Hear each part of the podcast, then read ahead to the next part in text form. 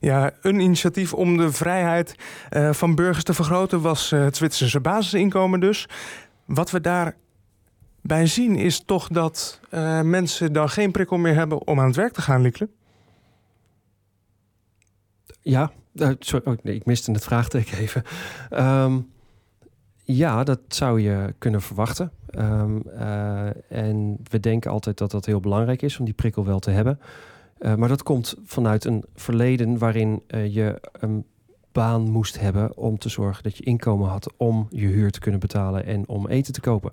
Als we ietsje langer teruggaan in het verleden, dan had je geen baan, maar dan had je werk in de zin van dat je s ochtends opstond en het land ging bewerken, brood ging bakken. En op die manier ging voor, voorzien in je eigen behoeften en wat je meer kon maken, dat kon je aan anderen kwijt in ruil voor andere producten.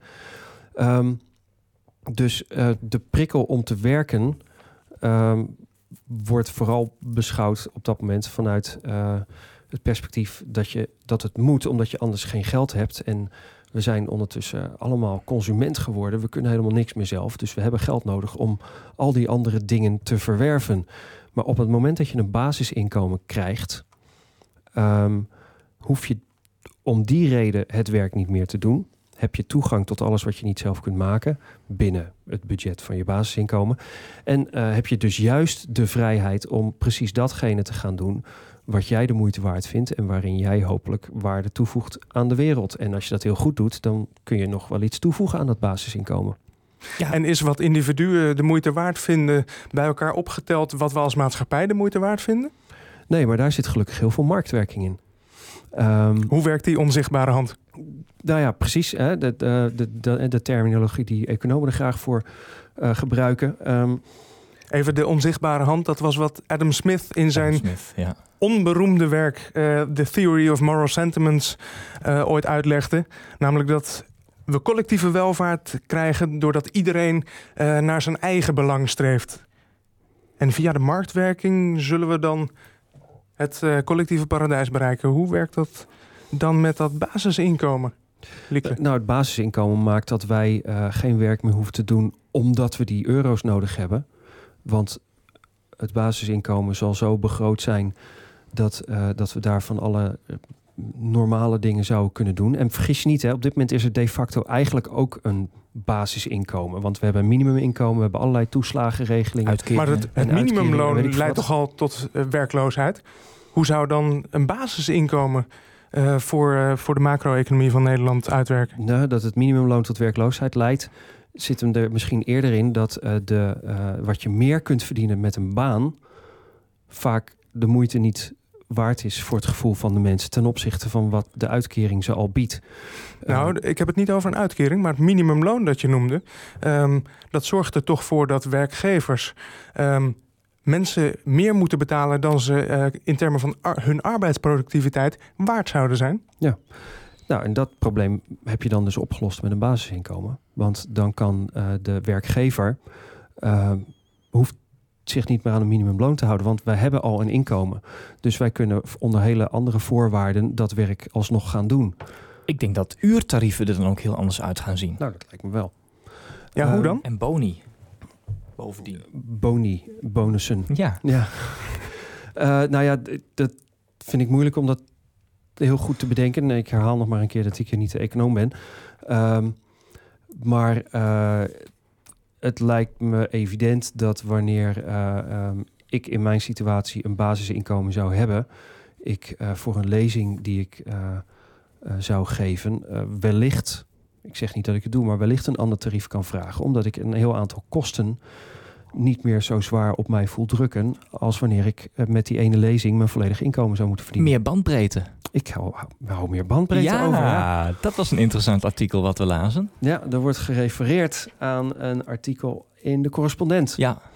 Ik zeg in, maar ik bedoel natuurlijk op de website van de nou ja. correspondent. Um, waarin uh, uh, duidelijk wordt uitgelegd waarom uh, domme mensen domme beslissingen nemen. arme mensen. Arme mensen domme beslissingen ja. nemen. Um, ja, inderdaad. Maar waarom inderdaad financiële stress je druk maken over dat je niet genoeg geld hebt om te doen wat je zou willen doen, leidt tot verdomming. dat mensen die zich zorgen maken over hun inkomen en over hun financiële situatie gewoon een lager IQ blijken te scoren tijdelijk dan uh, mensen die zich daar geen zorgen over maken.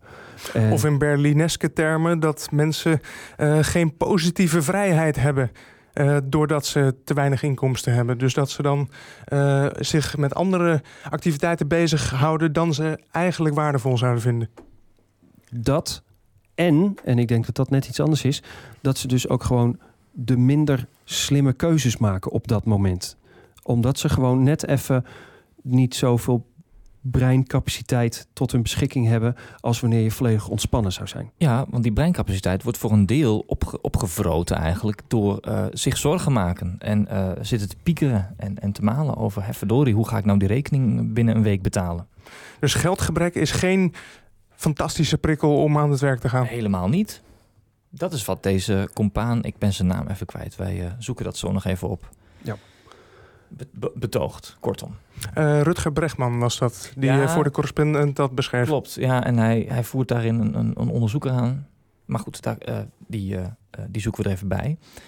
Um, in India is dan dus weer de bietenoogst. Um, ach, nou ja, dat staat wel in het artikel. Lees Precies. het maar na. Ja, dat hoeven we niet allemaal te herhalen. Nu we het over geld gehad hebben, um, in termen van inkomsten voor mensen, is het ook interessant om te kijken naar de rol van geld in het systeem dat we hebben. Of uh, anders gezegd, uh, fuck the system. Er zijn allerlei initiatieven om nieuwe vormen van geld te introduceren. Bijvoorbeeld Bitcoin, waar we met onze uh, nou ja, persoonlijke ambassadeur Rutger van Zuidam uitgebreid over gepraat hebben. Um, als we naar Bitcoin kijken, zie ik vooral wantrouwen tegen de gevestigde banken. Is dat terecht, Liekle? Ja, dat lijkt me wel. Want die uh, gevestigde banken die hebben er met elkaar voor gezorgd dat wij nu al vijf jaar lang uh, financiële problemen hebben in, in de wereldeconomie. En dat hebben heel veel mensen persoonlijk gevoeld. In een probleem met het verkopen van hun huis, in het kwijtraken van hun baan. In sommige gevallen zelfs kwijtraken van spaargeld. En zo, als ze dat net even bij de verkeerde bank hadden weggezet. Of het joemelen met Libor-rentes. Precies. Um, daar is uh, heel duidelijk een, een discrepantie tussen um, wat uh, wij van de banken verwachten dat ze voor ons doen en het gedrag dat ze vertonen. Um, en dat daar dus wantrouwen is, dat kan ik volledig begrijpen. Voordat we verder praten over oplossingen, ben ik nog benieuwd naar de bron van het probleem. Hoe kan het zijn dat de bank die ik net al impliciet noemde door Libor te laten vallen, namelijk de Rabobank, uh, dat die ook in zo'n schandaal verzeild raakt. Dat was toch die coöperatie van de Boerenleenbank en de Raiffeisenbank? Ja. Daar verwachten we het toch niet van? Waarvan je juist zou denken dat doordat de leden met elkaar uh, besluiten over de koers, uh, het allemaal niet zo snel mis zou gaan. Nou, waar je mee omgaat, ga je mee besmet, is misschien voor een deel aan de orde hier. Rabo, ook Rabobank probeert mee te spelen in het spel van de grote banken op, de, uh, op Europese en wereldschaal. Daar verzint men zo'n ideetje als, nou laten we die Libor-rentes gewoon lekker uh, onderling even delen, want dan kunnen we met z'n allen mooi wat winst uithalen.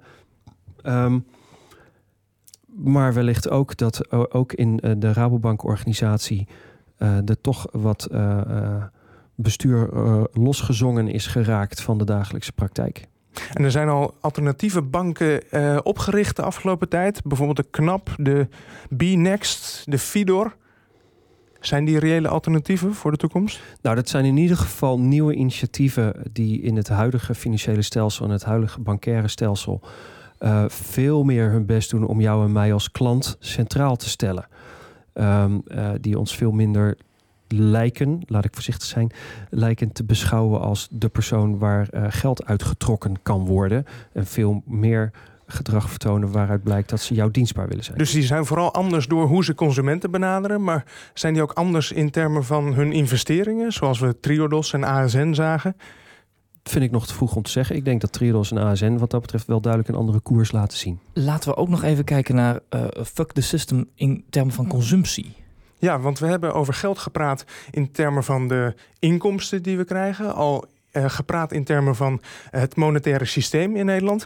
Maar nu ook hoe we het geld uitgeven. Uh, is gebruik van producten belangrijker geworden dan bezit, Liekle? Uh, nou, die schijn heeft het wel.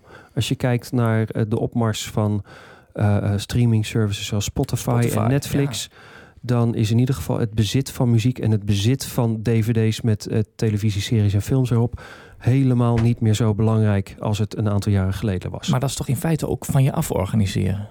Laten we daar eens een andere keer uitgebreider dat, dat is Ja, dat is zeker een, een, uh, een van je af organiseren. En dat is iets wat uh, je om verschillende redenen kunt doen. Ik heb, als ik Spotify gebruik, toegang tot muziek die ik nog nooit in huis gehad heb.